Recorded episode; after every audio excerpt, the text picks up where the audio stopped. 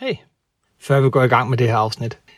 Det blev optaget lang tid før Danmark blev lukket, så når jeg sidder lige om lidt og siger, at Morten han har utrolig mange bøger på væggene og den slags, så det er altså ikke fordi vi sidder sammen, mens man ikke må sidde sammen. Vi holder os hver for sig, ligesom vi alle sammen skal gøre for tiden. Det gælder også, når øh, Christian Mongård han dukker op sidste i programmet og siger, at han sidder i New York. Det gør han heldigvis heller ikke lige nu. En anden ting.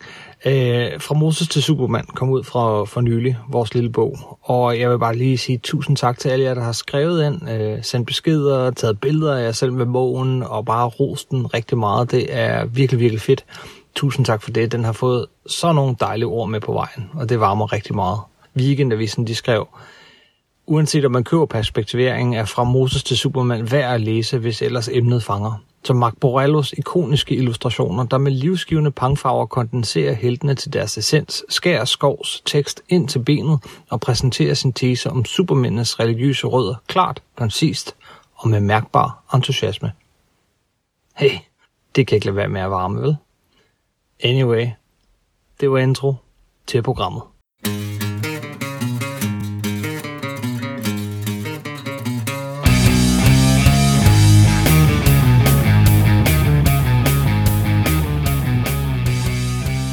Hej og velkommen til Supersnak med Marvel Morten og Kim Helt alias Morten Søndergaard. og Kim Skov. Det her er podcastet, hvor to tidligere tegneserieredaktører taler sig tosset om film, tv-serier, bøger og populærkultur, men med en helt særlig kærlighed til tegneserierne, mediet, hvor alt godt opstår. Og i dag skal det handle om, Hvordan man samler på superhelte-tegneserier, eller samler på alt. ja, det skal handle om at samle mere specifikt på tegneserier, men vi kommer også lidt derud omkring. Øh, det var dit forslag, Morten, og jeg synes, det, Ja, jeg må nok indrømme, at jeg tror, der er, der er sikkert mange af vores lyttere, der bare er i godsøjne normale læsere, der har et nogenlunde afslappet forhold til tegneserier. Men jeg tror da også, der er mange af mine lyttere, der ligesom os godt kan lide at samle og stable og putte i plastikposer og nummerere og lave lister, og jeg mangler det nummer, og jeg har ikke det nummer, og jeg vil godt have et, der er pænere stand, og så videre, og så videre. Og de findes i alle mulige grader og afskygninger. Yes. For den, jeg, jeg bukker ikke bladet om, når jeg læser til, jeg har tre lag gummihandsker på, når jeg, når, jeg, når jeg læser. Hvis jeg overhovedet læser det overhovedet. så der er spektra fra 0 til 100 der. Yes. Og jeg, altså, jeg tænkte først, er jeg samler? Okay, jeg er samler. Men når man kigger, Almindelige mennesker vil nok kalde dig samler. det tror jeg også, fordi nu, nu sidder vi hjemme hos dig, og jeg kigger mig omkring, og der er bøger alle vegne. Jamen, det, er jo- det er da meget normalt, er det ikke? Det er der også hjemme hos mig. Ja, netop. Det er der meget normalt. Men virkelig, altså, der er ikke noget væg. Nej, men det er jo fordi, at det isolerer sig godt, og det ser så pænt ud. Det, det synes jeg også. Men, men det kan godt være, at jeg er lidt samler. Jeg tror bare, at jeg er blevet mere selektiv samler igennem årene. Ja. Men altså lad os prøve at gå tilbage til, hvordan det hele startede. Og det starter jo selvfølgelig med, hvad er din første tegneserie? Jamen, ved du hvad? Inden vi fortæller vores historier om vores første tegneserie, så øh, fordi du kommer med det her emne, så tæ- tænkte jeg, hvad med at spørge øh, vores lyttere? Okay? Og dem vil vi høre fra sådan i løbet af programmet. Klipper vi dem ind, så kommer der et par stykker og fortæller om, hvorfor de samler, hvad de samler på, hvordan. Øh, og, det, og det er nogle meget sjove små anekdoter. Men lad os starte med, med vores øh, gode lyttere på øh, Facebook. Der er, en rigt, der er rigtig mange, der har kommenteret. Øh, så jeg vil nøjes med at læse tre kommentarer op Yep.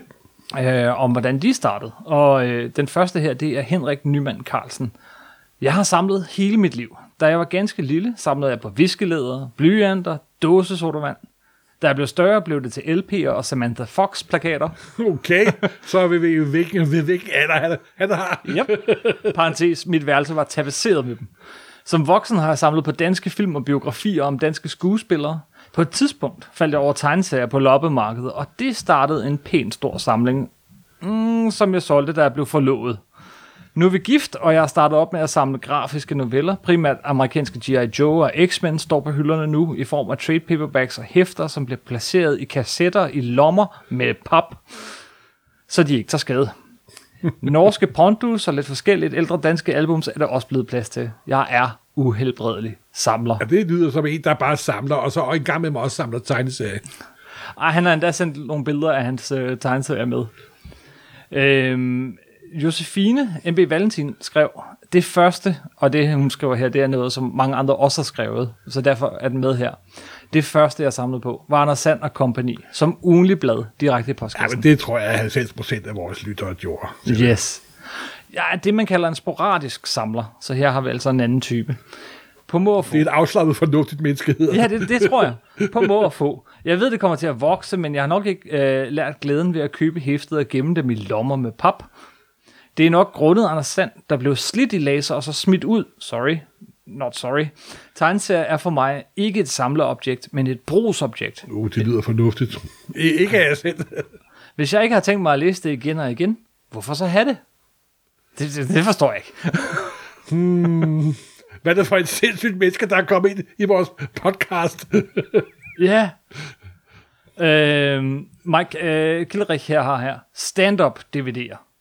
Jeg har en samling på omkring 100. Det sjoveste var at rejse rundt og møde komikerne og få dem til at signere coverne. Tak til digitalise- digitaliseringen for at ødelægge den hobby for mig. Det var jo også en af de gamle, originale hobbyer, som jeg hørte om, da jeg var barn. Det var folk, der samlede på, på autografer. Nemlig, Det var en meget stor samling, så lidt en, nærmest lidt af frimærkesamling og så videre. vi havde Henrik Andreasen med i studiet for, for et stykke tid siden, og han, han er jo netop sådan en, der tog rundt fra messe til messe. For at få signeret alle de ting, han har, ja. Yes. Jeg hedder Martin Viller, og jeg har samlet på superhelteserier, siden jeg som femårig fik mit første sort-hvide Superman med Batman i hænderne. Det var helt tilbage i 1984, året hvor Marvel-klubben blev skudt i gang. Så naturligvis måtte jeg også have Æderkoppen, Hulk, Projekt X og noget, der hed Fantastiske Fire Klassikere, som havde nogle meget underlige, men sært fascinerende historier, lavet af nogen, der hed Stan og Jack. Og da Superman blev relanceret nogle år senere i John Burns version, så var der ingen vej tilbage. En livslang nørd var født. Jeg samler udelukkende på superhelteserier. Både antikvariske, hvor jeg næsten har alt, hvad Marvel-klubben og Superklubben udgav, samt trade paperbacks, og jeg har abonnementer i Fantastic Teller Superman, Fantastic Four, Shazam og X-Men. Det jeg elsker ved tegneserier er, at man selv kan vælge, hvor man vil starte, hvordan man vil læse dem, og hvordan man vil genlæse dem. Og der er ofte tale om nogle utrolig varierede universer, hvor det er nemt at pendle fra den ene type historie til den anden, med en masse farverige karakterer. Og så elsker jeg naturligvis også bare at samle på tegneserierne, pas på dem, sætte dem pænt op på hylden, pakke dem i lommer og føre kartotek over, hvad jeg har. For mig er det en passion, der aldrig stopper. Men ja. hvad var så dit første nummer, Kim? Jamen ved du hvad, vi har faktisk lige en til, jeg gerne vil Nå, have okay. med her. Øh, hvis jeg lige må finde den frem, den kommer her. Øh, det er også en god gammel ven af podcastet, og den er lidt lang, men jeg synes, vi skal have den med. Det er fra Bo Sørensen, Ah, som du kender. Øh, Hej Kim, jeg kan se, at dig og Morten er gået i gang. Øh, ved du hvad, det det her skrev han inden jeg lagde den ud. Med en podcast om, hvordan man starter med det der tegneserier. Jeg skriver lige her i den korte version, fordi det har noget med mit handicap at gøre. Øh, Bo, han sidder i kørestol, og og han har førighed i sin ene fod. fordi det har noget at gøre med mit handicap, så tænker du garanteret, hvad fanden? ligesom alle andre nørder startede jeg med at læse tegneserier som 11-12-årig. Og her skal vi tilbage, tænke på, at det var tilbage i 1980-81. Nu har du set, at jeg sidder i kørestol, og dengang i 80'erne, øh, og det her handicap, og, og så det med at bo ude i en lille by syd for Aarhus. Well, min storebror begyndte at spille guitar og badminton, og min lillebror, han begyndte at spille håndbold. Og når man ikke kan bruge armene, og samtidig, kun har, øh, og samtidig har lidt et talehandicap, og kun kan bruge sine fødder, ja, så kastede jeg mig over tegneserier i stedet for. I starten af 1989 kom jeg ind i stribeladen, den her fantastiske butik. Der ligger i Aarhus. Mm. Der kom jeg i- ind i Stribelæden første gang. Dengang boede jeg ude på en institution, og der var rigtig mange af de faste pædagoger, som ikke kunne lade være med at grine af, at jeg læste tegneserier. Med andre ord, På det gode er nogle onde mennesker, er de. uvidende. ja, Uvidende. pugebad. Med andre ord, de kunne ikke tage det alvorligt. Så, øh, så var der en vikar, jeg kender, i en butik i centrum af Aarhus. Og siden da har jeg hængt på. Man kan sige det både af det, man kalder normal udvikling inden for det nørdede halløj, men en usædvanlig udvikling i kraft af, at jeg var og er handicappet, og komme i forbindelse med andre mennesker. Jeg håber, du kan bruge det her til noget, og jeg, I må gerne bruge det i jeres podcast. Øh, og så fortsætter han faktisk. Det første, jeg samlede på, var den serie, der hed Dæmonen fra 81 til 82. Men de første serier sagde mig ikke rigtig noget. Jeg samlede både på det, der kom fra Marvel og DC den serie, der virkelig satte mit samlerhalløj i gang, det var den første serie, der hedder De Nye Titaner fra 1983. Ah, Og så tror jeg også året efter, om efteråret, så kom der et eller andet med æderkoppen, hvor der er en vis Morten, som kunne forklare, hvordan det hele hang sammen det aner ikke noget til i overhovedet. brevkassen. Det satte yderligere gang i samlerhalvåret. Og så endte det med de amerikanske tegneserier, som jeg begyndte at læse fra 1989. Men jeg går efter forfatteren. Hvem det er, der har skrevet dem, for så får man hele historien med, hvis du forstår. Ja, men Bo er en kær gammel kunde nede, nede for Fantastisk. Jamen, jeg synes også, han kommer ind på mange af de her rigtige ting, det der med... Jamen, at, de, alle samlerhistorier er forskellige, og de er alle sammen ens. Mm. men det er tit det der, men det starter noget, man har for sig selv, og så efterhånden opdager man også noget, at det er noget, man har til fælles med andre, og så bliver det noget, man deler. Altså den Ja, her det er jo sikkert blevet endnu mere udbredt nu via nettet, hvor folk næsten opdager det før alt andet. Ja. Men hvad var dit første hæfte så? Mit allerførste hæfte, eller det første, jeg samlede på, Ja, det er jo... Ja. Ej, men øh, mit første hæfte var et Superman med Batman-blad, og det var faktisk ikke mit hæfte, det var min storebrors, og det lå jo en stak inde i hans værelse. Jeg tror, ah. jeg har Ah. fortalt historien før. Ja, det har du. Der lå øh, Tarzan og Korak, og så nogle Superman med Batman og noget Fantomet. Men der, den der, den stak af for mig, og jeg læste den igen og igen og igen. Mm. Øhm, og, øh, men den første serie, jeg sådan samlede, det var nok Teenage Mutant Ninja Turtles. Så, ja, selvfølgelig var det. Ja. øh, og jeg ved ikke, om man kan sige samlet så meget, som købte hver nummer, der kom. Men så... Det tror jeg godt, man kan kalde samleri. Ja, men fra, fra, fra første nummer til det, det stoppede på dansk. Øh, og så opdagede jeg jo så, at der er kommet flere hæfter. Det må jeg også have fat i. Øh, men, men jeg gjorde jo også det, jeg var ikke særlig gammel, at jeg... øh, jeg øh, Hvad, hvad er det for, for et årstal, vi snakker ja, om her? ja, og det her er det værste. Jamen, hvad er vi i 89? Så jeg, jeg klippede hakker i dem, så man kunne se, det var mine. Jeg har historier, der er værre. Puh, og kom mit navn på. Og, Det har jeg også oplevet tit og ofte. og kom et klistermærke i. Nej. Ja, men det er stadig ikke det værste, jeg har oplevet. Okay, hvad er det værste? Det kommer vi til, når vi snakker om, hvordan folk opbevarer og passer på deres serie. Okay. En lille... Så øh, nogenlunde samtidig med det, nej faktisk så tror jeg et par år før, så, øh, så øh, var jeg, jeg var indlagt på Rigshospitalet nogle uger som barn, øh, på grund af øh, noget øh, eksem. Det er sådan noget, man ikke vil indlægge børn for i dag, men det gjorde man dengang. Øh, og det var virkelig kedeligt. Men så havde de øh, på Rigshospitalet dernede, der havde de en øh, hylde med jumbobøger. Og det var der, hvor de lige var begyndt at komme tegninger bagpå. Ah. Hvor man kunne samle sådan en komplet samling. Ja, det jo da, den øh, redaktionelle medarbejder fandt på det. Han har ved at sige penge. Han hun har ved at sige penge, Det har penge værd. Og der fik jeg øh, Jumbo-bog nummer 121, Åh, ja. som er begyndelsen af Arnesine, bagsiden. Og det var sådan set kun den, jeg gik efter. Men jeg vil så sige, der var en knaldgod historie i den Jumbo-bog, som jeg tror gjorde det hele. Jeg husker den stadig, jeg tænker stadig tit på den. Øh, I historien, øh, en af historierne, jeg tror den første, så øh, tager, den hedder Jagten på Ingenting. Så tager øh, Anders Sand og Er onkel det Joachim, sådan en symbolsk måde at sige, at jeg samler på? så tager, øh, så tager onkel Joachim Anders Sand ud øh, efter rum, altså ud i rummet, men rummet må jo slutte et sted. ja, selvfølgelig. Så hvad er der på den anden side af rummet? Ingenting.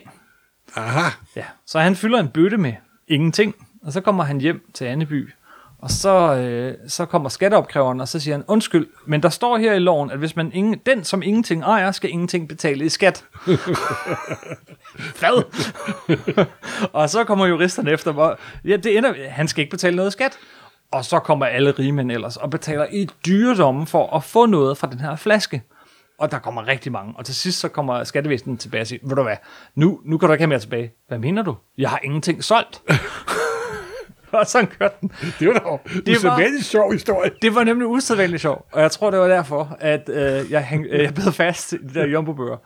Nogenlunde samtidig, for der er, der er flere øh, ting. Så, så kom, eller kort efter, så kom øh, Her er dit liv, onkel Joachim, af den rosa, på dansk. Gud.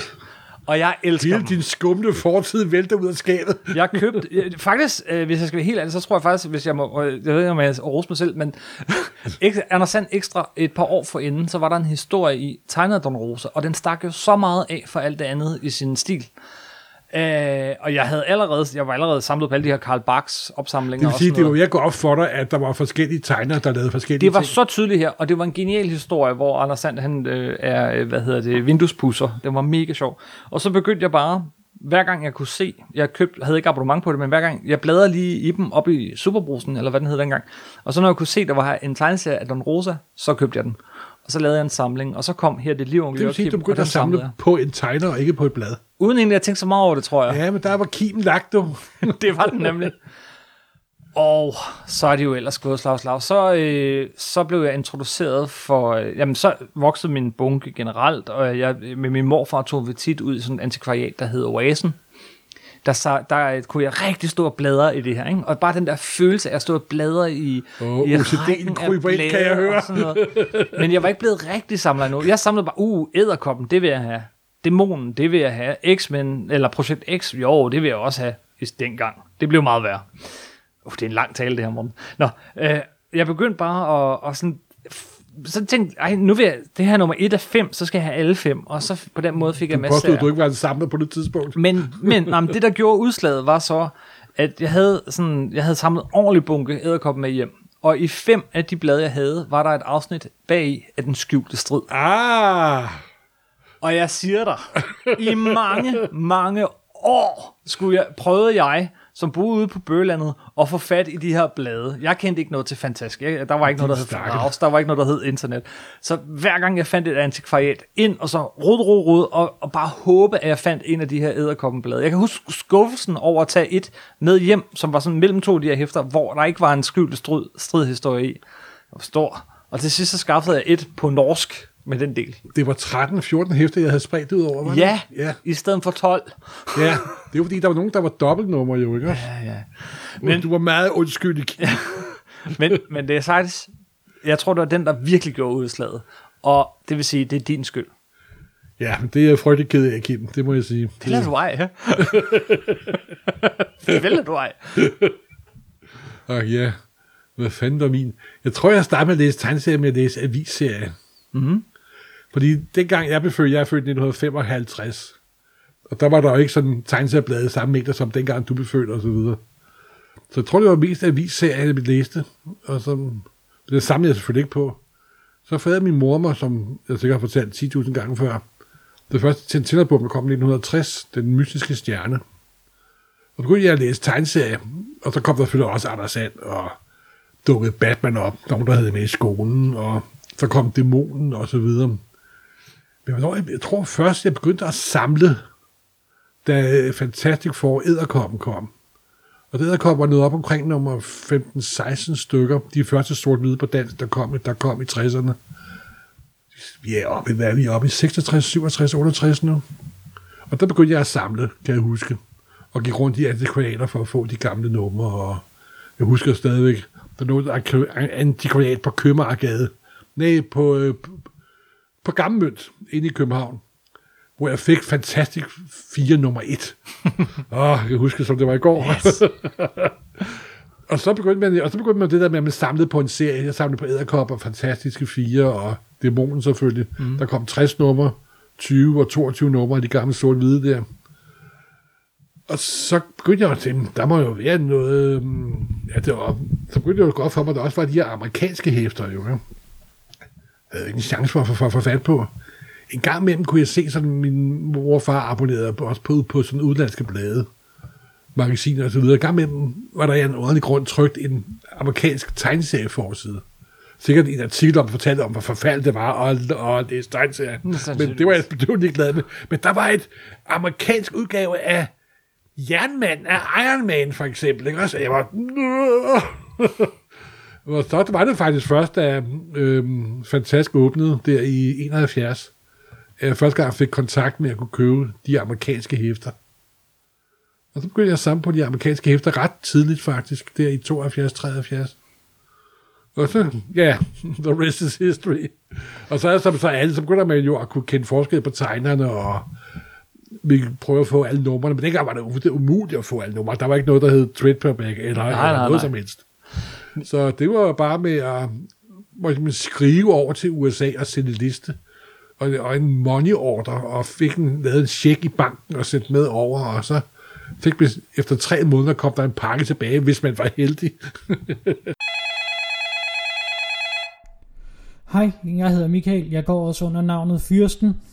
Hvad jeg samler på for tiden er de her særlige slags bøger, man kalder artbooks eller coffee table books, hvilket jeg ikke helt forstår, hvorfor vil man spille dråber og krummer ud over det glatte sider, men altså hvor man får en masse flotte billeder og historisk gennemgang inden for et eller andet emne. Altså for eksempel har jeg øh, om computerspilgenren Point and Click Adventures, Saturday Morning Cartoons, som jeg selv voksede op med, og en om Transformers. Jeg ved godt, Kim er vild med Ninja Turtles, men jeg kan, synes også, de her kan noget. Der er snart en serie på vej på Netflix, og øh, du kan finde samlinger af mine egne ting, jeg har lavet inde på YouTube, SoundCloud, Blogger og Player FM. Så øh, ja, det var, hvad jeg nåede jeg endte med at samle så mange af de her, um, det spredte sig jo fra æderkoppen, ikke? Så jeg fik samlet alle, øh, hvad hedder det, øh, de sort-hvide øh, Marvel-klassikere og Ja, ja, ja. alt muligt. Jeg endte faktisk, og, og, og, og det der sådan virkelig, virkelig fangede mig, ligesom så mange andre, tror jeg, på min alder, det var Project X, der det, det sådan startede op igen i øh, 93 og frem. Ah, du, du, var, du var ikke med der for 84, så. Jamen dem havde jeg, dem fik jeg samlet i antikvariaterne. ja, okay. Men, men der, hvor jeg begyndte, jeg, jeg, jeg kan stadig huske, at jeg købte øh, Projekt X nummer, er det 34, øh, som var genstarten, Jim Lee, det var i virkeligheden et dødsforvirrende nummer, men, Det er jo også Mega Marvel nummer 5. ja, det er det nemlig. Og, så, øh, og jeg kan huske, hvordan jeg stod i køkkenet hos min ven, jeg var hjemme og besøge en ven, og i stedet for at snakke med ham, så stod jeg og læste det der blad, og så lod jeg ham læse det, og så, øh, men derfra, og så samlede jeg alle Projekt X-blade indtil, og den her tror jeg også, der er mange, der vil kende, indtil jeg så kom på efterskole og tænkte, ej, jeg gider ikke at samle på tegneserier mere. Så jeg stoppede. Kom der sprut og, Og- og piger. Eller og- sprut og- og, det andet køn ind. Ja, indtil jeg var måske 1920 eller sådan noget. Så, så faldt jeg i gryden igen. Øh, jeg tror, det var fordi, der begyndte at komme noget virkelig, virkelig godt lige pludselig. At der havde været en lang periode, hvor der ikke var noget særligt, særligt godt. Men så var det jo, at det gjorde ondt helt ind i sjælen, at jeg havde X-Men nummer, øh, på det tidspunkt faktisk, ja, 1 til, eller øh, 34 til der, hvor jeg nu stoppede, jeg kan ikke huske det, og så hele vejen op. Så, men jeg fandt ud af, at der var en af mine venner, der havde haft abonnement på det, og så fik jeg købt dem alle sammen af ham, så jeg havde en komplet samling. Bortset fra, der var jo nogle huller. Og så øh, var jeg, begyndte jeg at tage ind til København, til nogle af de her specialbutikker, og det var der, hvor priserne var på sit højeste. Og jeg kunne ikke lade være. Jeg skulle, jeg skulle have lukket de huller der. Så, så jeg har rent. Dengang var det sag fra Raus, der havde sådan et stort bagkatalog af, af gamle tegneserier, og, og rodet der, og så efterhånden fundet alle øh, Projekt X og alt andet, så jeg har i dag en komplet samling af dansk Marvel. Wow. Øh, Jeg har to danske Marvel tilbage. men, men så gik det jo derfra videre til sådan, men, men, ikke- men hvad så med alle hullerne? Hvad med alt det, der ikke kom på dansk? Og så måtte man se og Er så der huller? Det kan der ikke på noget alle mulige måder finde, finde de der øh, lister over, hvad der var i de danske... Der, i øvrigt, øh, der er en, en hjemmeside, der hedder superserier.dk, som er et fantastisk Den er, indeks. ret, den er ret effektiv, det må man sige. Og ud fra den og andet, så finde ud af, hvad det var, der ikke var. Så nu har jeg en X-Men-samling, som, som er stakket, altså, og det har ligget i kasser i nogle år, må jeg indrømme, ikke? men så er det sådan fem danske numre, 10 amerikanske, fem danske numre, okay. et amerikansk og sådan noget, fordi jeg har en komplet Chris Claremont X-Men-samling. Alt, hvad den mand har skrevet af X-Men, har jeg. Og det er ikke, og det er ikke lidt. Det er ikke lidt. Det er mange, mange kasser. Nej, men det er sådan set nok en meget typisk samlerhistorie. Så er der jo nogle samlere, der godt kan lide at læse det, men det går der er jo måske ikke samler dem i, så kan du også samle efter, hvor flot de ser ud. Ja. Og stand, og nummerering, og... Den del har aldrig lige været mig. Nej, jeg har, en- jeg har en, jeg har en snært af huden, det må jeg nok indrømme, men ikke særlig meget. Men for dem, der virkelig går i gang, der går der jo, altså, så er det jo med at putte dem i, bagge dem, som det hedder. Ja, back and board. Bagger, baggerborden. Og der er jo det der, at man kører nogle plastikposer, der svarer til bladets størrelse. Og hvis du samler på amerikanske hæfter, så er der jo det, der hedder Golden Age.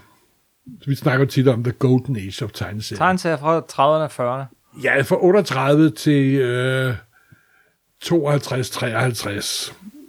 Så kommer afløst af Silver Age selvfølgelig, der kører fra cirka 54 omkring til omkring 69-70. Ja. Kommer Bronze Age, Men, ja, men hvad har det at gøre med back and board? Er det fordi størrelsen? de har forskellige størrelser nemlig. Ja, Fordi, jamen, det, var, det skulle jeg komme ind på senere. Så.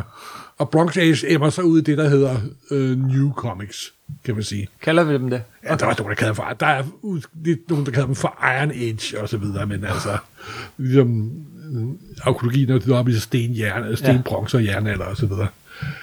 Men der putter man dem i poser, og lukker dem til, og begynder også at graduere dem, om hvilken stand de er i. Og, og alt det der samleri med stand og sådan noget, det er jo noget, der er eksploderet de sidste 20-30 år.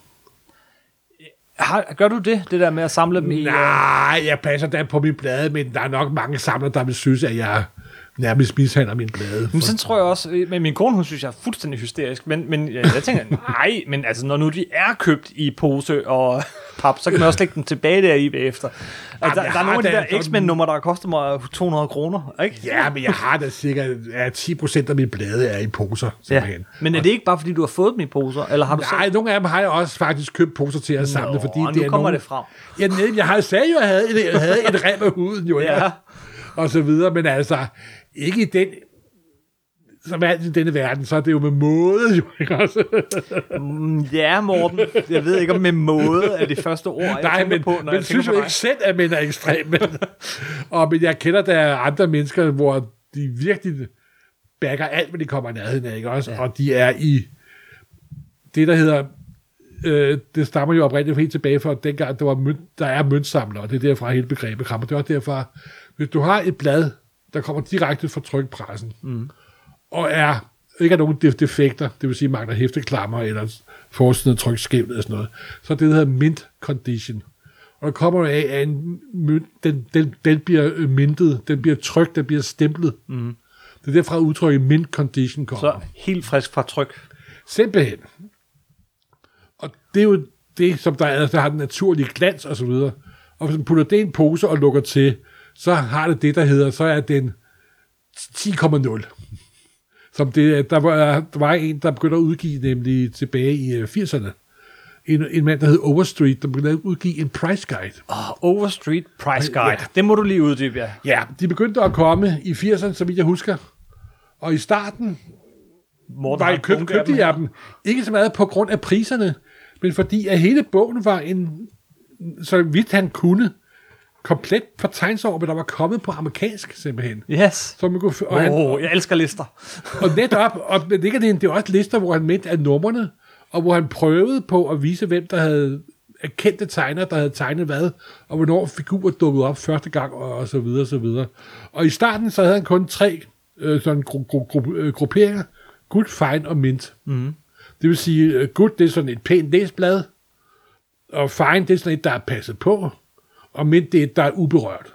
Nu for at sige det sådan meget, meget groft. Ja, ja. Jeg, jeg Men kan, de her Overstreet, der kom, det bevirkede jo, at det, som at smide benzin på et bål, så samler markedet sådan, åh oh, gud, jeg må jo have det nummer der. Og så opdagede pludselig folk også, hvad de ikke havde, ikke også? Yes. Men det her var jo alt sammen før internettet kom ud til almindelig brug. Ja.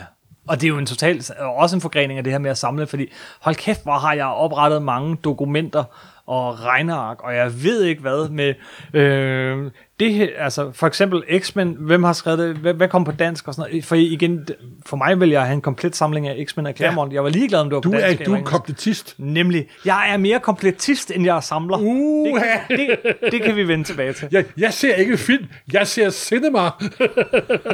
Der er en forskel. Gud, nej. Der er forskel. Der er forskel. Det er forskel på at være krukket og ikke være krukket. Nej, nej, jeg, jeg siger ikke, det er bedre. Nej, det er faktisk værre at være kompletist. Det er værre at være kompletist. Jeg har tjent mange penge på kompletist yes. gennem årene. fordi så, så gør man sådan, sådan nu for eksempel øh, Dune, det er ikke tegnet, men Dune-bøgerne, de, de syv bøger af, af eller, øh, af Seks bøger. seks bøger, ja. Der Du kunne høre, andre. Nej, de seks bøger Kun er jo akropryfe fantastisk. otte mennesker har skrevet andre De er jo fantastiske, men, men jeg skal have alt Dune. Åh, jeg skal, og det er lige meget om det er spil, som jeg ikke spiller, og så har jeg alle bøgerne, som uh, hans søn har skrevet sammen med Kevin J. Anderson. Ja, og så har du Og jeg- lånt mine originale hæfter, som jeg stadig ejer, men ligger over hos, hos, hos dig. Kun lånte dem et par år, Morten. Ja, men det er mine stadigvæk. Jeg har dem, de, de originale magasinudgaver. Det har Kim ikke. Den allerførste udgave, altså før den blev til en bog i magasin, Ja, ja, ja. har Morten ja, den ligger, godt nok ligget over hos Kimi på år, men det er stadigvæk min. Men jeg tænker heller ikke på det som min. Nej, jeg det er tænker, godt. Jeg tænker til, åh, oh, det var min. Men jeg kan sige, den, den, den står meget, man kan, man kan se den. Altså, Ja, ja, tak. tak. Og så har jeg jo en Dune-hylde og sådan noget. Jeg, jeg har bare, jeg skal have alt med Dune. Øh, ligesom jeg har alt med Daredevil. Hver eneste hæfter, der nogensinde er kommet. Jeg behøver så ikke at have alle filmene og figurerne og sådan noget. Figurer er sådan noget, jeg slet ikke berører.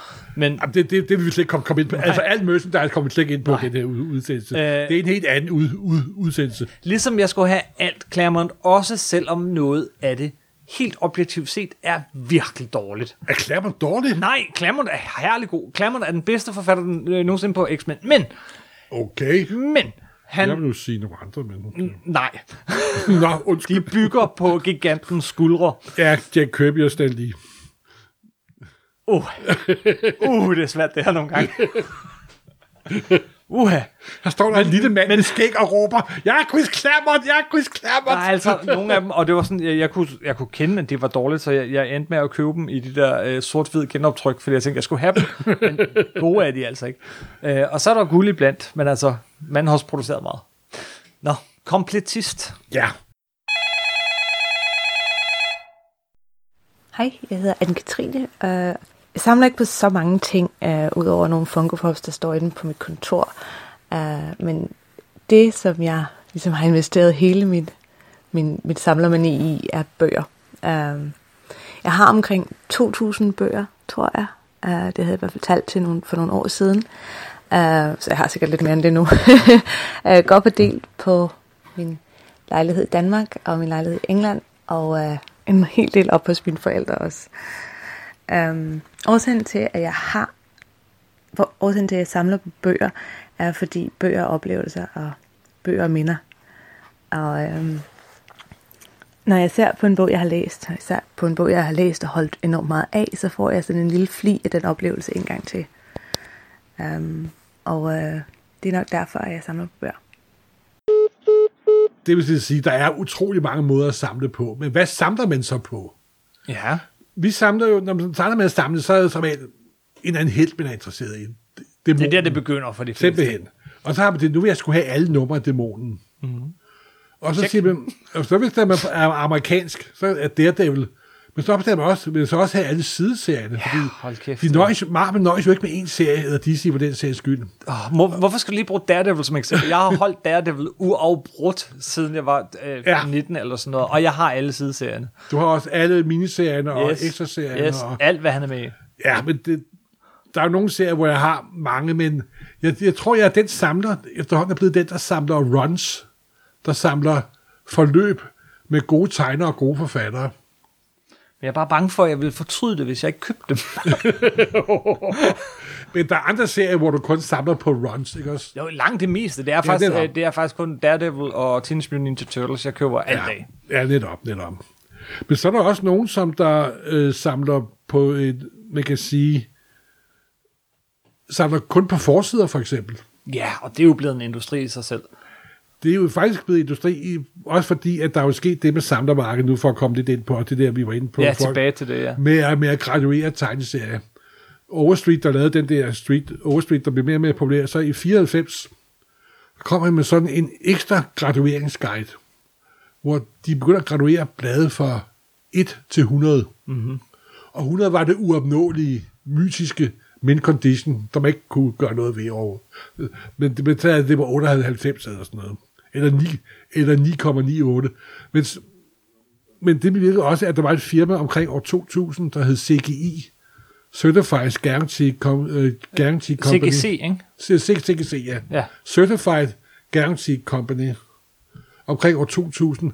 De begyndte så at graduere bladene, finde ud af, hvad der var for en grad, om det var en 9,2, eller 9,6, eller 9,8, eller hvis det var et gammelt læse, for eksempel et uh, Golden Age Superman, så var det måske en øh, uh, 5,0 eller 5,2. Og det begyndte virkelig at gå meget i dybden med, uh, var hele forsiden der, var der noget, der var flosset, var den nusset, var hæfteklammerne blanke, eller var de rustne? Var papiret blevet brunet, eller var det stadig hvidt? Og hvilken farve havde det oprindeligt? Var farverne falmet? Og alt muligt simpelthen. Og så når de havde gradueret det, så bliver det pakket, bu- bundet ind i en forsejlet lille gennemsigtig plastikkasse. som man ikke kan læse det. At den var blevet slated, som det hedder. Og på det tidspunkt er det ikke længere en tegneserie, men Så er det et værdipapir. nemlig... Det er en aktie, det er en obligation. Og samtidig var omkring år 2000 begyndte alle mennesker også at få internettet.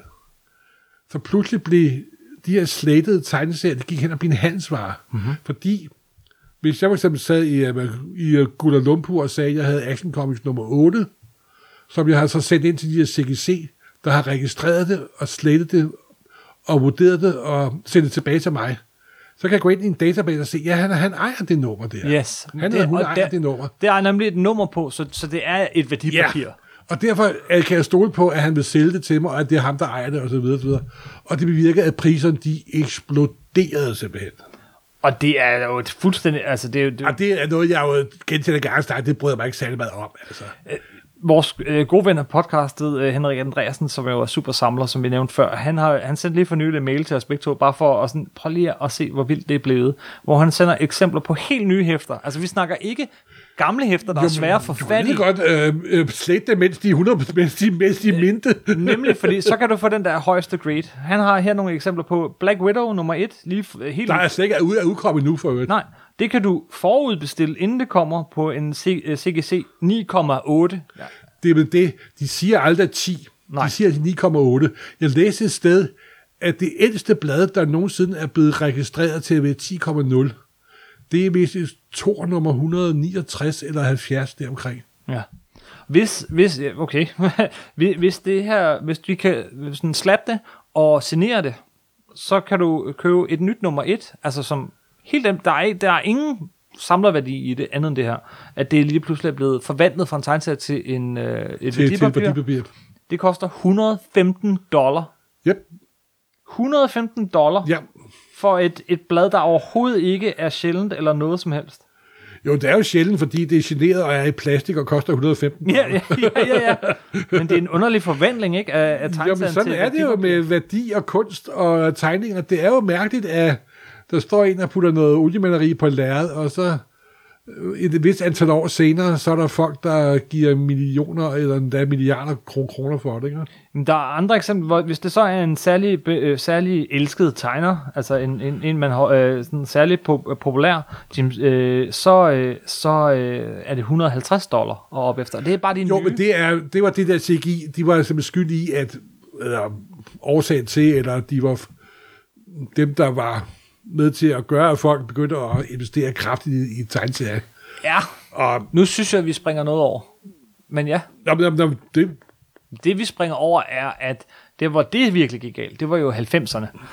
nå, men det var noget andet. Hvor, hvordan var det noget andet? Fordi det var forlagene, der producerede samlerting. Ja, Her er det samlere, der laver gamle tegneserier om til samlere, dyre samlerobjekter, så at sige. okay, så Men i det, 90'erne skete der jo det, at forlagene fandt ud af, at hvis de udgav et nummer, af Spider-Man nummer 1, de for eksempel øh, meget populære tegner dengang, Mark Farland, der både skrev og tegnede, han skulle så lave en ny tegneserie, en ny, en ny æderkom frem med nummer 1. Der var vi også trykt med forskellige forsider. det var den, der startede det for alvor, ja. Og den mest kendte eksempel på det med de forskellige forsider, det er den nye X-Men nummer 1, som Jim Lee og Chris Claremont lavede. ja. Det var lige et halvt år efter øh, McFarlane. Ja, det er op. Og det var den, der toppede, og du kan stadig i dag finde X-Men nummer 1 til 1 dollar. De solgte, solgte 6 millioner eksemplarer. Over 6 millioner eksemplarer. Fordi de havde seks forskellige forsider, eller Der var mindst seks forskellige forsider. Ja, men æderkoppen kom lidt før. Det var, det var fire forskellige forsider, og den eneste forskel var farven. Ja. det, det er det marked, det er det Marvel og DC selvfølgelig af, og så begyndte de at lave et hav af alle mulige mærkelige forsider. Der kom forsider med huller i, der kom forsider med dybt tryk, kom forsider med hologrammer, forsider med metaltryk, der kom i forskellige farver og forskellige former for forsider og himmel og hav, og det toppede i 90'erne og var årsag til, at der skete nærmest et kollaps af tegneseriemarkedet. Og det synes jeg, vi skal lave et helt afsnit om ja. på et tidspunkt. Jeg har øh, lige for nylig, det er en teaser så, fordi det her afsnit skal vi lave, jeg har lige for nylig nede fantastisk fået øh, kendt til at samle en ordentlig øh, bunke 90'er tegneserier, oh. som er de værste af de Det gør værste. redder ondt ind i kroppen på mig. covers. pakket ind i plastik, Ja, samlerkort jeg, jeg, jeg har stået og det solgt dem alle sammen, Kim. Det, Og det her, den her bølge af 90'erne, er noget af det, der er allermindst værd i dag. Ja. Det koster mig en slik, og det er alle sammen står der jo, Special Collectors Ja. Item. og det er derfor, at der er forskel mellem dem og de CGI-ting. Ja. Fordi hvis du tager et Action Comics nummer 7 fra 1940, eller 39, tror jeg, hvis det er fra, så er det enormt mange penge ved, selvom det ikke var slettet ind i plastik og så videre, og så videre. Det er bare det, at de forvandler dem til et værdipapir og gør dem endnu dyrere. Men tror du, at den holder ved? Tror du, de bliver ved med at være så mange penge værd? Ja, det tror jeg faktisk. Det må jeg indrømme. Det må Okay. jeg må indrømme, fordi det er en unik ting. Der bliver ikke mere af den. Mm-hmm. Og Action Comics nummer 7 findes der i flot stand, sikkert kun med ganske få eks- eksemplarer af. Og med regelmæssigt mellemrum, der kommer der en overskrift med verdens dyreste tegneserie, og så er et Action Comics nummer 1, Marvel Comics nummer 1 og Detective Comics 27 solgt til en ny en. Nu tænker du meget amerikansk. Ja, ja. Om det, selvfølgelig, om det er det jo, det er jo det, vi snakker. Det er, jo Det er det, vi snakker om. Ja, bare lige for at sige, at en enkelt side af haché eller sådan noget, nå, det, det, det for er meget original mere. art, det er noget andet. Det er rigtigt. Det er Det er faktisk noget andet. Ja. Det er noget andet. Ja. Men jeg er sikker på, at originale Haché-album, det første til tid Sovjetunionen, at man du havde siddet på fransk, det går også til skyhøje priser. Yes. Det er bare et marked, jeg kender en skid til, simpelthen. Og jeg tror ikke, der er helt samme sådan slæderi i europæiske album. Men Action Comics nummer 1 er jo også, altså det er jo sådan... Det er ikonen over alle ikoner. Yes, yes, yes, yes. Der er sådan en, oh, der er sådan en, jeg kan, jeg kan huske det gibbet i over, jeg blev flov over det, men der er sådan, jeg, jeg grinte så meget en, et afsnit af Simpsons, hvor uh, den her Krusty the Clown, det handler om, at han bruger for mange penge, og så står han, og jeg ved ikke, hvad du snakker om, og tørrer fingre i pengesedler, og så tager han en cigar øh, til munden, og så tager han et Action Comics nummer 1, sætter ild til, og tænder sin cigar og smider det væk. det var sjovt. Det har sikkert bare været, været, været et optryk. Nej, men så er der også folk, der øhm, samler, samler, der kun samler på forsider, men der er også folk, der er temasamlere, Ja. hvor de ikke samler på en speciel figur, men på et specielt tema. Det kan være, Det må, du, det må være sådan nogle, du har mødt i butikken. ja, og det er sådan lidt specielle samlere. Der er for eksempel kun samler på kvindelige superhelte, eller kun samler på øh, europæiske øh, superhelte, der kun kommer fra et land, specielt land. Det lyder fuldstændig sindssygt, men det har der faktisk været. Jeg havde også en samler engang, som der samlede på alt med øh, kanadiske rødfrakker. Det der kanadiske politistyrke, der er de her rødfrakker, de røde frakker der. Ja, Og det var i bogform og tegneserieform. Hvis jeg kunne præsentere et marmelblad for ham, hvor det var et rødfrak, så køb, købte han det med det samme. yes. Og sådan er det jo også typisk samleri, simpelthen, ikke også? Og, og vi, har, vi er jo, er jo begge to bitter samler med Nigen, så man kan jo godt sige ja til det. Men grunden til, at jeg samler, det er jo, fordi jeg godt kan lide at læse det. Og fordi der er nogle tegnere, jeg godt kan lide i forhold til andre tegnere. Det er jo primært det. Ja. Ah, Morten, her, her bagved dig, så står der øh, en nærmest komplet samling af, af Klassisk, Marvel ja. Klassisk Omnibus med tegneserier, du har i forvejen. Nej, jeg har den nemlig ikke i forvejen. Du har ikke Stan Lee og Jack Kirby's Fantastic Four i forvejen. Du har ikke Stan, øh, øh, Jack Jo, Kirby's men, øh, øh, Captain åh. America i forvejen. Nogle af dem, Du nogle har har jeg ikke. ikke- Nej, nogle, der er nogle af dem, jeg ikke har. Ja, for jeg solgte jo en del af mine tegneserier tilbage i 80'erne og 90'erne. Okay. Jeg har kun i original Fantastic Four fra nummer 44 til 93, for eksempel. Kun i original. Ja, simpelthen. Okay. Så, og så er der jo også nummer på ryggen, må du udsmide. ja, det kan jeg godt se. Du har nummer et, så skal du Og så nummer de to. og indeholder tre. også de originale brevkasser jo. Det er også rigtig fedt. Ja. Og det, det er faktisk noget, man ikke havde i, i, i de fleste andre genoptryk. Det, dem, jeg Kim peger på, det er i min studie, der har stående en lang række af omnibusser udgaver af de klassiske Marvel fra, fra 60'erne. Og det er grunden til, at omnibus betyder også, at alt er, alt er med. Så der er også både pin-up-sider og brevkasser med. Uh, og hvor mange udgaver har du af Watchmen? Jamen, det er jo noget andet. Der er jo forskel på dem, simpelthen. Nu synes jeg, du bliver Nej, ondskabsfuld. nej, jeg, jeg tror bare, jeg ikke helt tror på dig. Jamen, jeg sagde, jeg havde et rem af huden. det har du. Men for eksempel, at jeg har da også øh, ved at få min komplette box. Jeg har min komplette Spirit, mm-hmm. og jeg har min komplette øh, Peanuts, for eksempel. Jeg er ved at få min komplette Pogo. Og du har læst dem alle sammen? Ja, det har jeg. Okay. Alt box har jeg læst. Alt Ja. Peanuts er jeg ved at komme igennem. Eisner Spirit? Ah, der, er, der er perioder, jeg har læst mere, ja, mere Ja, det er også lidt meget på en gang. Ja, ja. Øh, Der er virkelig mange. Nej, der er jo det. Samler har jo meget, meget, meget sjældent læst alle deres Yes. bøger. Jeg har også en masse af science fiction bøger stående, jo. ikke? Ja, don't Jeg get har jo læst en pæn del af dem, men ikke alle sammen. Nej, nej. Så, men det er jo, igen, det er inde på at samle og øh, opbevare det, og nogle gange har man fornemmelsen af, at det at opbevare og samle måske har større tilfredsstillelse, end det at læse ting. Ikke? Altså det at gå og sætte orden på sin tegneserie, Ja. og så en ny form for orden. Og Netop, så, så fordi kom, det ja, ja. er også noget af det mest afslappede på den jord. Det er det virkelig, og, der, og i øvrigt PS, der er ikke noget kedeligere end num- nummerorden. Der findes bedre måder. og vi sandelig ikke alfabetisk. Men, men jo, altså, åh, ja, bare det der at gå og, og sortere sin tegneserie igen og igen og igen. Ja, ja. Mit navn er Dennis Jakob Rosenfeldt, og jeg har været samler størstedelen af mit liv faktisk, fra jeg var rimelig lille. Øhm, det man kan sige, det er, at øh, jeg samler for at have mine interesser tæt på mig, og for at kunne have adgang til dem. Og øh, man kan sige, at problemet er, at jeg har en del interesser, så derfor så er mine samlinger, mine primære store samlinger, det er bøger, det er tegneserier, det er musik, det er film, og så er det spil i forskellige former, rollespil, brætspil, øh, videospil og den slags ting. Og jeg har det simpelthen fordi, at jeg ikke bare, altså der er mange ting, man ikke lige kan have adgang til, så det er ikke samlinger af ting, der nødvendigvis har høj værdi. De har affektionsværdi og øh, kulturel værdi for mig, men det er ikke nødvendigvis ting, der er mange penge værd. Øh, og derfor så handler det simpelthen om, at jeg skal have det, som interesserer mig. Og så har jeg så også undersamlinger i mine samlinger. For eksempel interesserer jeg mig meget for øh, sindslidelser og sindssygehospitaler, så det har jeg ligesom en kæmpe mængde litteratur om, som sådan en form for undersamling. Jeg har en masse poesi, som ligesom også nærmest er en samling i sig selv. Og så på den måde, så har jeg altid noget, der interesserer mig lige ved hånden. Men så er der jo sket der jo det med markedet, med tegneseriemarkedet, at du ikke kun snakker om tegneseriehæfter. Mm. Og du snakker kun om at samle på de originale hæfter. Det er som alt det, hvor tegneserien kommer først. Men så skete der jo noget i øh, midt i 80'erne. Der kom der jo de her trade paperbacks. Mm-hmm. Der var selvfølgelig op gennem både 20'erne, 30'erne, 40'erne, 50'erne og 60'erne kommet samlinger af tegneserier.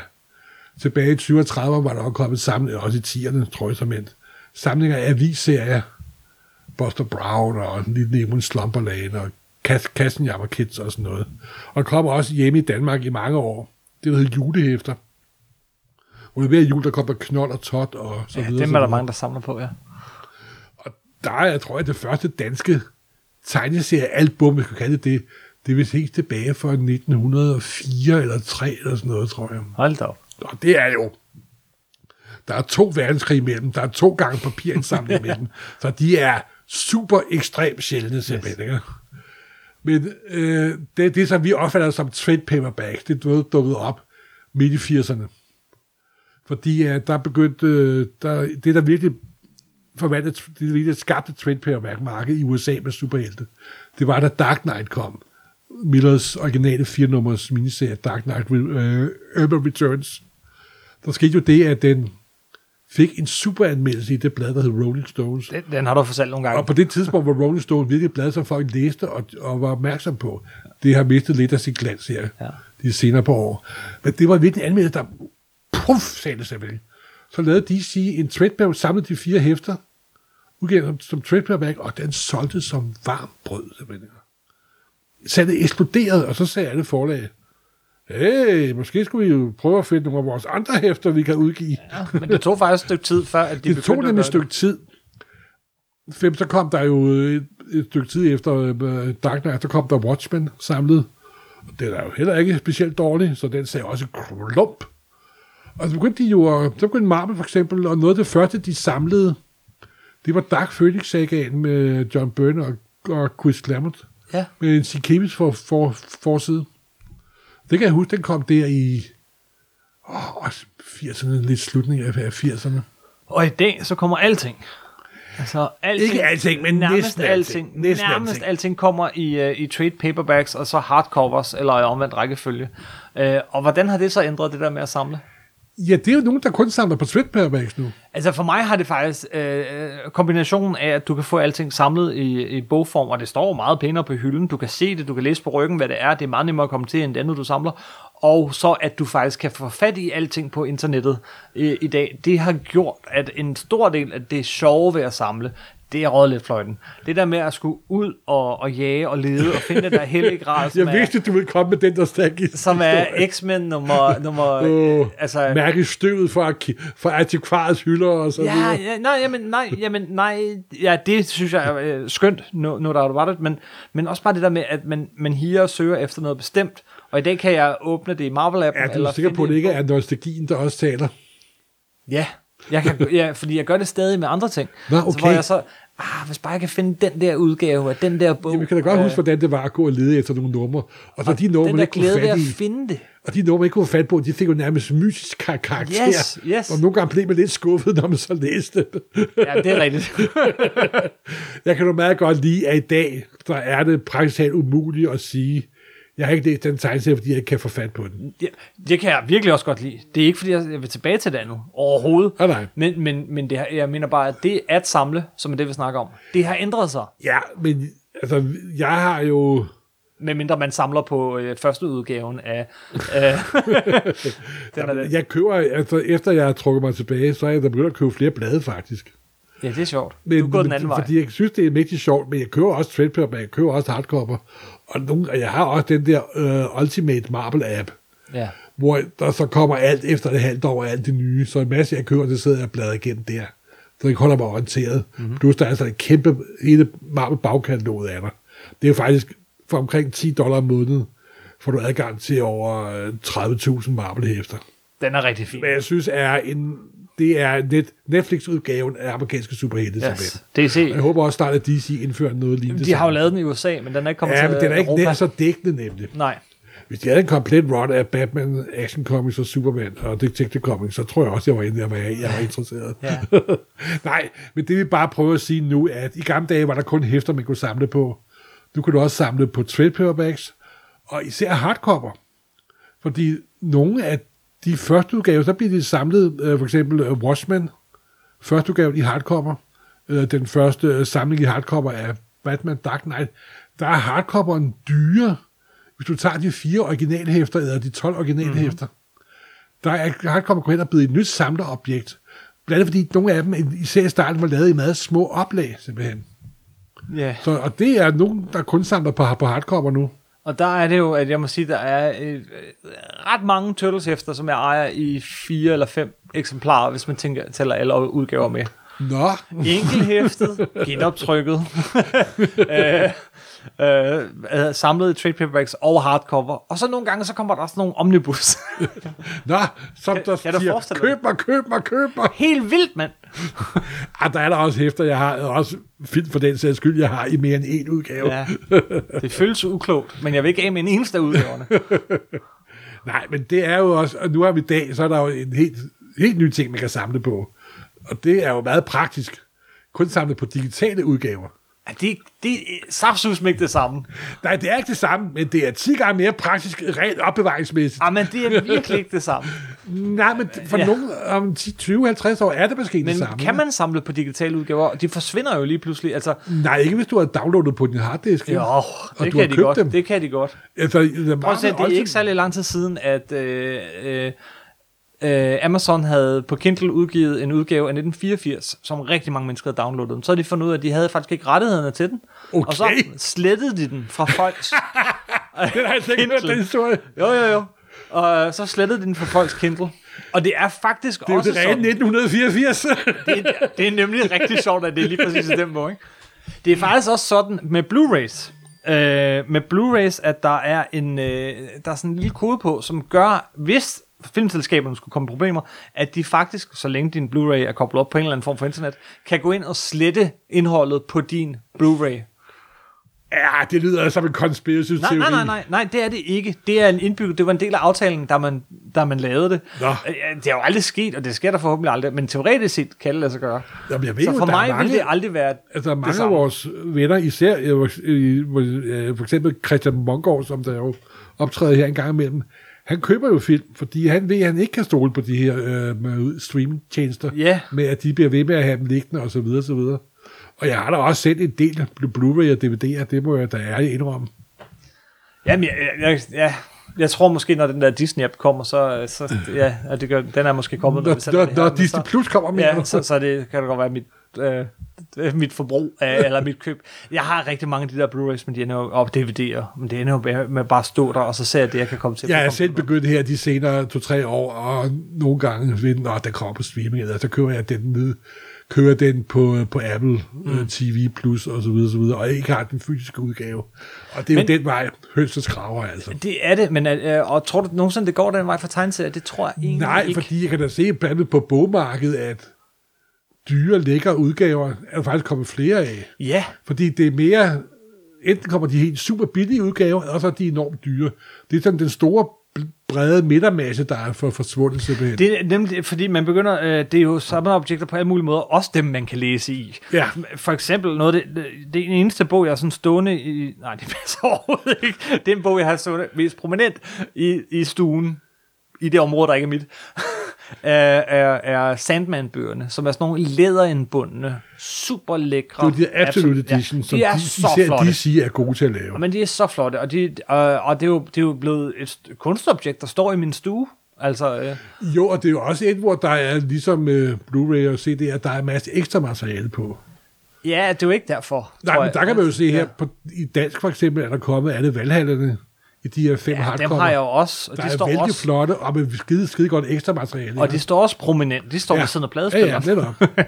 ja.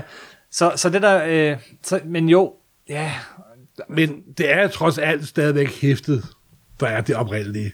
Ja. Og også hæfterne, der er sjovest at samle på, synes jeg jo, hvis jeg skal være en lille, smule. og det hænger nok sammen med den der sidegren af det her samle, at der er mange, der samler på første udgaven.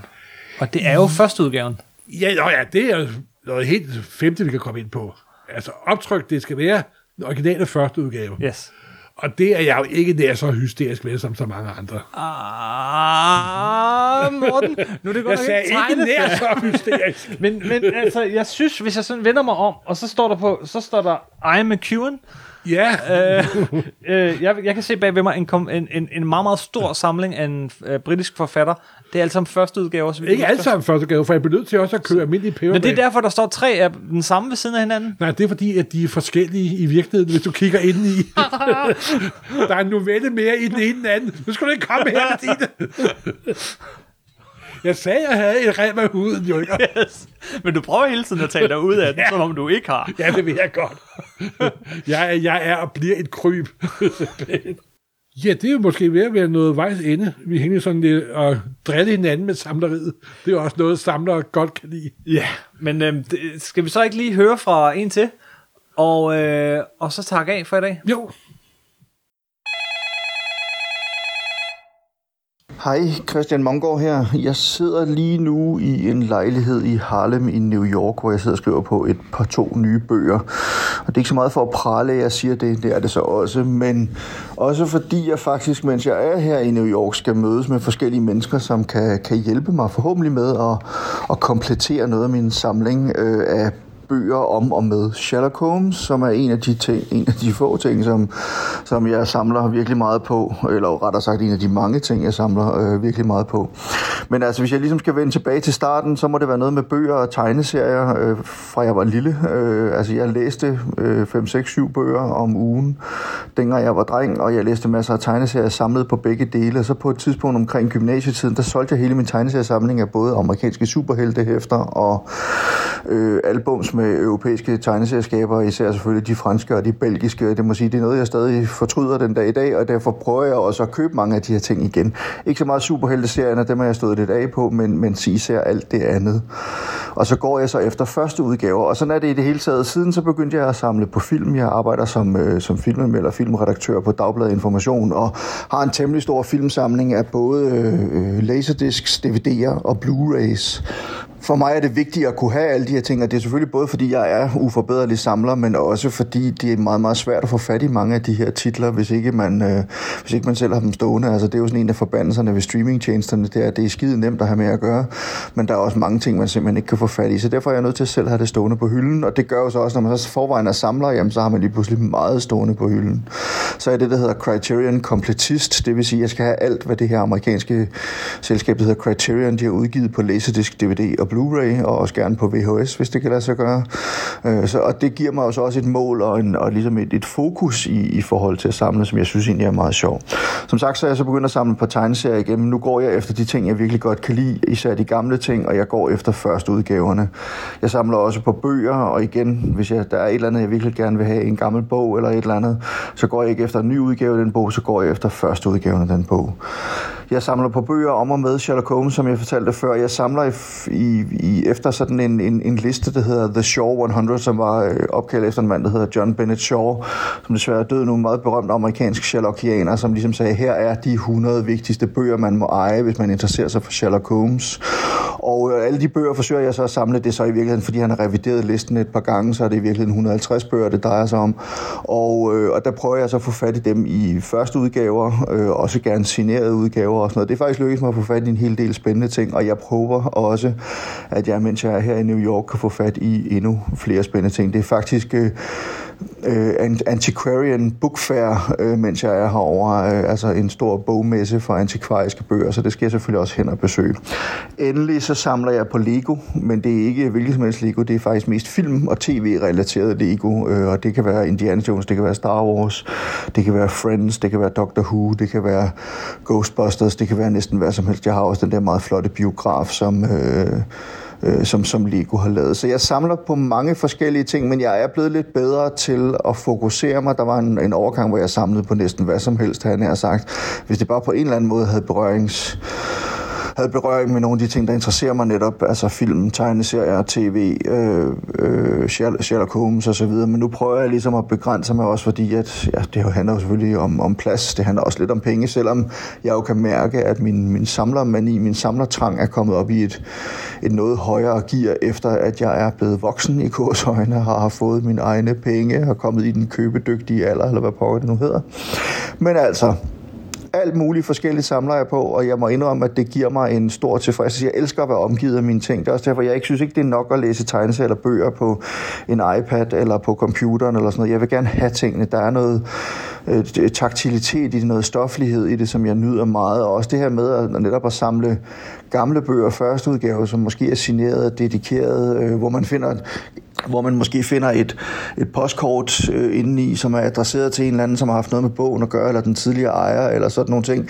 Altså altid noget, som er med til at give det liv og, og, øh, og, og stemning og sådan noget. Altså at man ligesom føler, at man er ikke bare, øh, hvad skal vi sige, den sidste ejer af den pågældende bog, men, men ligesom endnu et led i en, en lang række af mennesker, som har haft med den her bog at gøre, som på en eller anden måde har vagt den til live, om jeg så må sige. Det lyder måske lidt vidt løftigt, men det er noget af det, jeg synes er sjovt også at tænke over som, som samler, altså at tingene går i arv, at de går fra, fra samler til samler, om jeg så må sige. Men altså mange forskellige ting, og det er noget, jeg nyder meget. Jeg nyder jagten, om jeg så må sige, øh, på de nye spændende ting. Det er selvfølgelig nemmere i dag, hvor man har internettet og kan finde alting der, men øhm, ja, der er også noget sjovt ved netop for eksempel at komme til New York og så begynde at trolle igennem alle øh, byens tegneseriebutikker i håbet om at finde nogle Robert Crumb første udgaver af nogle af de tidlige Zap Comics eller et eller andet andre Bijou Comics, øh, Motor City Comics og så videre, så videre. Og, der, og selvfølgelig også det her med de Sherlockianske bøger. Der findes en, en, øh, en boghandler over, som kun øh, stort set kun forhandler øh, detektiv- og krimilitteratur, netop øh, Mysterious Bookshop. Og de har også en hel del Sherlock Holmes øh, litteratur, så det er også noget af det, jeg synes er, er fantastisk. Men øh, det bliver lidt langt. Øh, jeg håber, at øh, det var lidt inspirerende, og måske kan, kan få nogen til derude også at samle lidt selv. Tak for New York. Hej. Men hvad er ellers det seneste, der er sket sådan inden for samlere? Ja, altså, der er jo sket det, at superheltefilmen er gået ind og blevet enormt populære. Og så er der jo sket det, at folk er begyndt at samle på nøglenummer, på key issues. Key issues, det er, oh, ja. Det, det er der første gang, at Captain America dukker op. Det er Avengers nummer 4 i nyere Marvel-historie. Ja, first øh, første gang, at, at Captain America løfter Thors hammer. Oh ja. Fordi det var et nummer, som der ikke kostede noget som helst. Men så kommer Avengers Endgame, hvor han løfter Thors hammer. Og så det der Ron French nummer, det skyder lige pludselig i værdi til Tom DeFalco Ron French nummeret, er lige pludselig 10 gange så meget værd, som det var dagen før. Ikke? Yes. Eller for eksempel et totalt ligegyldigt og rigtig dårligt nummer af What If. Men det hedder What If Jane Foster får Thors hammer. Og samme øjeblik, at det blev bekendtgjort, at Natalie Portman skal være den kvindelige Thor, så zoom, sagde prisen simpelthen. Yes. Det behøver altså ikke kun at være nummer et, det kan også bare være første Nej, fordi optræden key af. issues er ikke... Folk samler på nummer et, og det er forståeligt nok. Det er det første nummer. Og forlaget er selvfølgelig også sig af, at der er, de senere på år er der udgivet flere nummer etter, end der er gjort lang tid Ja, i forvejen. For eksempel tror jeg, at Wolverine er en af dem, der har rekord i flest nummer etter. Men han har også en af de allermest berømte key issues, som jo faktisk er Hulk 181 sidste panel og 182 Nej, 180 sidste panel. og 181. Og fuldstændig ult 181. Og så er han med på øh, 1, 2, 3 paneler i nummer 100, Hulk 182. Mm-hmm. Marvel har da optrykt både 80, 81 og 82. Nå, øh, key issues. ja, og det er simpelthen det, at... Og der ved man ikke på forhånd, men der kommer, lige pludselig, nu kommer der øh, den nye Black Widow-film her, formentlig til, øh, til mig. Og der er ikke, der ved, om det måske er en lille bifigur, det der bliver enormt populær. Og lige pludselig er første gang, den figur dukket op der, enormt meget værd. Folk er allerede sikkert begyndt at opkøbe det, det nummer af Avengers, hvor Red Guardian dukkede op første gang. Yes, yes, yes. Fordi han er med i den nye Black Widow-film. Og det er der, hvor hele Hollywood påvirker tegneseriesalget og samler salg. Og det er virkelig noget, der har været utrolig gennemslagskraftigt de sidste 10 år, simpelthen. Og det er, det, det synes jeg, der er meget sjovt, men det er også sådan, jeg synes, det er lidt, det er lidt totåbeligt, det må jeg jo ærligt indrømme. Der er folk, der kun samler på key issues, og så mister key issues pakket ind i plastik, som du ikke læser. Øhm, kan du ikke bare putte dine penge i banken i stedet for? Eller Men det er der, hvor jeg tror, at forskellen er på, at man er tegneserielæser øh, læser og kompletist, eller om man er øh, i virkeligheden møntsamler, eller, ja. eller jo, det er frimærkesamler. selvfølgelig en... Men møntsamler tror jeg også, det er der flere, der tager romerske mønter, så kender man baggrundsstorie til den romerske kejser, der nu er på mønten, eller så videre, ja, så videre. alle har jo sådan en historie omkring deres ting. Der er ikke nogen, der bare sam- Øh, stort set... Ja, der har jeg mødt nogle samlere, hvor jeg prøvede at forklare dem omkring det, de samlede på, og så så de meget uforståelige ud. så der findes alle, alle, alle grader, vil jeg sige. Og jeg har jo igennem mine mange år mødt mange mærkelige samlere nede i den lille kælderbutik. Og ja, det... Du må da have nogle historier. Nej, men nu var vi, vi var inde i noget at fortælle om den værste måde at opbevare en tegneserie på. Mm. Det lød at fortælle, da vi startede podcasten. Og man kan selvfølgelig passe på de blader. Sta- Jeg har, det findes blader bare stablet op, hvor de Ja. bare passer på hinanden, så at sige. Ja. Ligesom en, en, øh, en, en, en stime af fisk passer på hinanden. Så er der nogen, hvor der er puttet plastikposer. Men i, gennem årene har jeg set mange måder at samle tegneserier på. For eksempel kunne man i gamle dage, Anders Sand, kunne man sende sine blade ind og få dem indbundet. Officielt af, af så forlaget. Det er rigtigt, og så ind i sådan en lille bog. Det. Det bliver jo også, at efter de bliver, bes- de beskåret, Ja. så, og folk troede, at i samlet tegneserier, så bliver de mere værd, de er faktisk meget, meget mindre Meget værd. mindre værd, fordi de blev Simpelthen, skåret op. Simpelthen, ja. Og vi syede i ryggen og så videre. Ja. Og så har jeg set folk komme ind med sådan i gamle dage, før der kom de her board. Vi havde de der chaté-mapper med huller i, sådan, oh. i sådan ringbindsmapper. Det er ikke så godt. Ja, men der er nogen, der går i skridt værre. Men det er ikke så godt, fordi at, Der er nogen, der går i skridt der er værre. Ved, ved, der, ved, du, hvad affarver. de, ved du, hvad de gjorde? Nej. De tog en hæftemaskine og tog deres blad og trykkede to huller i og satte det i en mappe. ja, Ja, meget, meget praktisk. det, det er så den anden grøft. ja. Nogle af mine sommervenner bliver også fuldstændig hvide i ansigtet, bare jeg siger det. Og så kommer de ned med deres mappe og forstår ikke, hvorfor jeg ikke vil købe den. ja, ja, ja. Hvorfor ikke? Ja, ja. Det er jo så også det, der, der folk har fået sådan en, en forståelse, altså folk, der ikke samler på tegneserier, har fået sådan en idé om, at tegneserier er rigtig mange penge værd. Så jeg ved ikke, hvor tit, fordi folk ved, at jeg samler Jeg på tegneserier, de- jeg får henvendelser sådan, vil du ikke købe min gamle samling af Fantomet? Er de noget værd? Og så har de sådan nogle krøllede, guldnede, øh, cigaretskårede Alle antikvarboghandlere og tegneseriehandlere, de har nærmest dagligt de her, jeg kan huske. Ja. Ja. Folk kommer ned med en pose laset og Anders Sandblad. Det er ser Anders Ja, Sandblad. i en, i en plastikpose. og eller tror, sådan at nu er sommerhuset hjemme simpelthen. Ikke? Ja. Og så da jeg siger til dem, jeg, jeg, jeg, jeg, jeg, jeg kigger bare ned i posen, jeg, jeg rører ikke engang bladene, vel? Nej. Den vil jeg ikke eje at have. Jamen, de, de, der, de, de der bare læst en lille smule. Men jeg har da læst her, at Anders Sand normalt lige er blevet solgt for... Og det er jo det, der er forskellen på en normal, normal afslappet læser, normal velfungerende menneske, og så os. At for dem er det jo samme hæfte, og det er måske også udmærket, det er, fordi der læser man den og glædes over dem, ikke også? Ja, men der må Du være... kan, jamen, du ved, folk, der ikke er samlere, de kan ikke se forskel på et slidt blad og et ikke slidt blad. Det kan de altså ikke. Nej. jeg, gl- jeg glemmer aldrig, jeg havde en gæst på besøg, og så vil han kigge ind i min tegneserie, og så tager han den, og så, ja, ja, prøv at se jeg skal vise ham noget, så tager han bladet, og så knækker han lige ryggen, Ja. så han bedre kan se det, siger knæk. Ja. Åh, jeg- det var lige 200 kroner. Ja, forskellen på dig og et almindeligt Ej, menneske. det er altså, det er herværk. Ja. Jeg sidder ikke med, jeg, jeg kender folk, der virkelig har handsker på, når de sidder og kigger deres blade. Der Ja. er jeg ikke, men man kan da også lige passe på sine ting, Morten. Jamen, det gør jeg da også, men jeg prøver jo at finde i mine øjne den gyldne mellemvej. Ja, Men ja, sådan er det jo. Det, og det er jo også meget sjovt. Det er også det, der er så sjovt ved samleriet, det er, hvis bare kun for tegneserier, det findes i alle mulige afskygninger af grader, og alle mulige begrundelser for at samle, og så videre. Så videre. jeg har også kunder, eller havde kunder, der samlede på alt marvel. De købte alt marvel.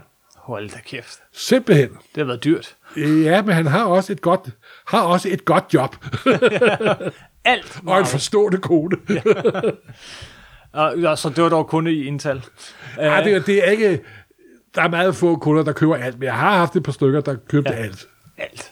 Alligevel. Men det er jo Så er der ikke nogen problemer med, at mangler key issues Nej. 30, 30 år senere. Men det vil sige, de er jo begyndt, og vi, kan, hold kæft, vi skal snart skrue af, men de er jo begyndt at lave de her, øh, at næsten alle hæfter, der kommer, for eksempel Turtles, dem køber jeg så ikke. Der er altid fire forskellige forsider. Sådan nogle små forlag som IDW overlever Jamen, det er noget, de det er udgiver- for 90'erne. Jo, nej, det er kommet igen. Ja, det, jamen, det, ja, det, har, det, er aldrig gået, gået, det er aldrig gået, gået væk. Men det, det er, det, det er Og nu om vokset dagen er det meget normalt, at der er to-tre hæfter Det, på. der er altid 3-4 ja. forsider på alt. Og, og ja, det må jo være, det, jeg tænker egentlig, det mest af alt må være til de der, der, der får dem slapped til Det- at... Og, og, og, Jamen, det er også lidt med, at hvis du har en yndlingstegner, så er det jo sjovt at kunne se, hvordan Mark Minola laver den figur. Og det forstår jeg fuldt, fuldt Ja, ud. ja. Og de bliver kun udslået alle sammen ofte gjort på, på nettet, som bare kan se dem. Og jeg har da også kommet til at købe to eksemplarer af et Batman-hæfte for nylig og så videre. Så, og da Detective Comics nummer 1000 kom, så valgte jeg det med 50'er forsiden. Og, og du valgte kun en? er det valgt kun en? Ah, to. Nu, være helt ærlig. Jeg vidste det. Altså, vi har alle et rem af huden, sagde Morten, så der går for Gud ved hvilken hvilken gang. Ja, det bliver mere og mere pinligt, det her. Må jeg ikke lige til allersidst Jo. spørge, hvorfor samler du? Fordi jeg elsker at læse tegneserier. Men, men du kan jo læse tegneserier på appen. Jamen, der er der også mange ting, jeg ikke køber. Men Ja. jeg samler også, fordi jeg godt lide at have dem i hånden, ikke? Ja. Det er jo ting, det er, jo, det, er det fysiske, ikke også? Men du kan også godt lide at omgive dig med det, ikke? Ja, det kan jeg vel. Der er et eller andet, en eller anden... Og når man laver en podcast, er det usædvanligt godt lydisolerende, vil jeg lige sige. Det er faktisk meget smart. det, er det, det, det er rigtigt. Nej, men jeg har da... Men jeg kan godt lide at håbe. Ja. Og så prøver jeg på at holde det lidt, lidt, lidt, lidt i ave. Normale mennesker vil nok ikke synes, at jeg, det lykkes særlig godt. Men Men, men i forhold til mange, jeg kender, så... tror, du er bedre til at skille dig af med tegneserier, end jeg er. Ja, jeg har haft store diskussioner med mange af mine venner, hvor jeg forklarer, hvordan man rydder op og smider væk Ja. og forærer væk og sælger. Og Ja. de bliver helt hvide i hovedet. Ja, du, ja, Jeg har ikke nogen hårder, det vil jeg på- påstå. nej. Jeg har for første gang i mit liv kun én række bøger. Nå, altså du mener, de står ikke i lag? Nej, de står ikke i lag. Ja, det er de begyndt på hjemme hos mig. Det skal jeg Ja, også det er et dårligt Det synes jeg heller ikke er så godt. Ja, så jeg tænker, at vi skal have noget mere plads. Ja. good, good, good luck with that. Men det er ved at slippe tør for, altså virkelig, hjemme hos os, der er, der er boghylder øh, over køleskabet, i stuen, under vinduerne, øh, langs, øh, der er boghylder overalt. Ja. Men for mig, så er det smukkeste Jamen, det er, der verden. findes ikke noget smukkere. Det hus, jeg allerhelst vil bo i, det skal være sådan, det, det, mit drømmehus, det er sådan øh, højt, meget højt til loftet, og så er der bøger Hele hele, vejen vejen op. op, og så har man den der tynde stige, Ja. Så man sådan kan gå op og sådan noget, og det, det skal være, være Ja. fyldt med bøger, og ja, det giver sådan en dejlig iso- isolering af det hele. Og sådan det- Selvfølgelig skal der være luft, og der skal være vinduer, og, og, og, og sådan lidt, og også bare vind, vinduer, må jo ikke stå stort og bibliotek med en, med en lille øh, svanegang med vindentrappe op, op til. Der vil jeg gerne bo. Uha. Der vil jeg Ja. gerne bo. Det har vi ikke råd til. Men det skal selvfølgelig ikke være sådan, så der kommer sollys direkte ind på bøgerne. Nej, nej, fordi Så selvfølgelig bliver de afbladet. Det har jeg prøvet. Uh, ja. Skal vi sige tak for denne gang? ja, det var en Øh, lidt sidespring. Nostalgisk sidespring om, hvordan det er samlet. Jeg tror, ja, men det var en god idé, morgen. Det var et godt emne. Øh, lad os sige tak for den gang. Øh, husk, øh, der er alle afsnit af Supersnak inde på supersnak.nu, Der er de samlet. iTunes. Der er de nemlig samlet. Ja. og, og jeg har også lavet små underkategorier, så du kan gå over og kun vælge et spor med øh, film- og tv-afsnit, eller øh, vores Okay. afsnit om, øh, hvad hedder det, Bad Jule-kalenderen samlet. Og der er samlinger i samlingen, især hvis du går ind på soundcloud.com, supersnak. Der ligger de øh, ordnet og nummereret. Uha, uha. Men det er også vores lytter, ikke? Altså, jeg også, øh, der er nemlig nogle stykker øh, et sted i starten, hvor de lå sådan 1, 2, 3, øh, 5, 6, 7, øh, og, og sådan, altså sådan lidt hulter til bulter. Ja, pulbad. der var mange, der var hen og sige, hvor, den der rækkefølge der. Tænk, du tror du ved, der er samler blandt, blandt vores lyttere? jeg, jeg tror det. Jeg tror det. Øh, så. Men der ligger de. Der kan I gå ind og øh, lave jeres egne playlister og sortere. Simpelthen. Øh, vi vil meget gerne høre fra jer. Tak for de øh, kommentarer, I kom om, øh, hvorfor I samler, hvordan I samler. Øh, det var herlig læsning. Øh, jeg, vi fik ikke læst det hele op, men det var dejligt at få dem. Øh, hvis man samler på bøger, så kan jeg sige, at der er kommet en, en Supersnak-bog øh, øh fra Moses til Superman. Øh, Superheltenes religiøse rødder. Den burde Ah, være til ja. at købe nu. Og det er også en samling af Mark Boranus tegninger. Det er det nemlig. Alle de her fantastiske tegninger, som bliver lavet til hver eneste Supersnak-afsnit, de har jo et unikt billede, hver af dem. Simpelthen unik ikon. de findes nu på tryk. Øh, fordi, altså, og, øh, jeg mener virkelig, en af øh, hoveddrivkraften til at lave den der bog for mig, det var, at jeg vil gerne have de der på tryk. Simpelthen. Så det er nok også lidt en samlet ting. Så det er et lille essay, og det er Marks tegninger. Det er det nemlig. Og hvad er der med at sige? Øh, ja, Bare øh, følg os de steder, vi er. Gensyn til næste gang. Skriv til os en anden gang. Og øh, mm, ja, nej, til sidst, Morten. Bare lige helt kort. Udover tegneserier, er der så noget andet, du samler på? Ja, jeg samler på... Jeg har en del science, science fiction bøger. Ja. Og så er der også visse instruktører, jeg samler på. Stanley Kubrick og visse skuespillere. Emma Thompson har jeg alle, næsten alle hendes film, tror jeg. Og ikke bare på streaming, men... Nej, også, nej, jeg har faktisk, de sidste par stykker har jeg vist kun købt på streaming, tror jeg. Ui. Jeg er ved at slække af på den. Og så kan jeg også godt lide bøger om italienske renaissancemalere, og jeg har da også nogle skakbøger, og Men er det, når du samler på? nej, ikke, nej, ikke sådan decideret samler med kompletisme, men jeg har da en del af dem. Jeg er glad for, at jeg ikke samler på figurer, fordi det ligner Nå, en rigtig så dyr det, hobby. det, er alt, det er alt det der merchandise der, der har jeg, jeg har nogle enkelte figurer stående. Ja. Jeg er ikke den, der samler på de her merchandise ting. Det, det er det ikke. Nej, nej. Jamen, det, det er super fedt, men, men jeg, tør ikke at gå i gang, fordi det vil blive alt for Og du dyrt. har jo også børn. Altså, det kan godt være, at jeg har lidt ekstra turtles legetøj. Nå, nå. og, og måske også Kun fire, køb til dine børn. må- måske også fire turtles-figurer, som stadig er i den originale indpakning og Uh-oh. står oppe på hylden. Jeg har smidt den originale indpakning væk. Jamen, det har jeg også. Ikke lige på alt. Nå, ja, ja. Okay, så jeg har også nej med huden. Ja, ja. Men det indrømmer jeg gerne. okay. Morten, tak for samlersnakken. Det var skide hyggeligt og Ja. nostalgisk. Tak for det.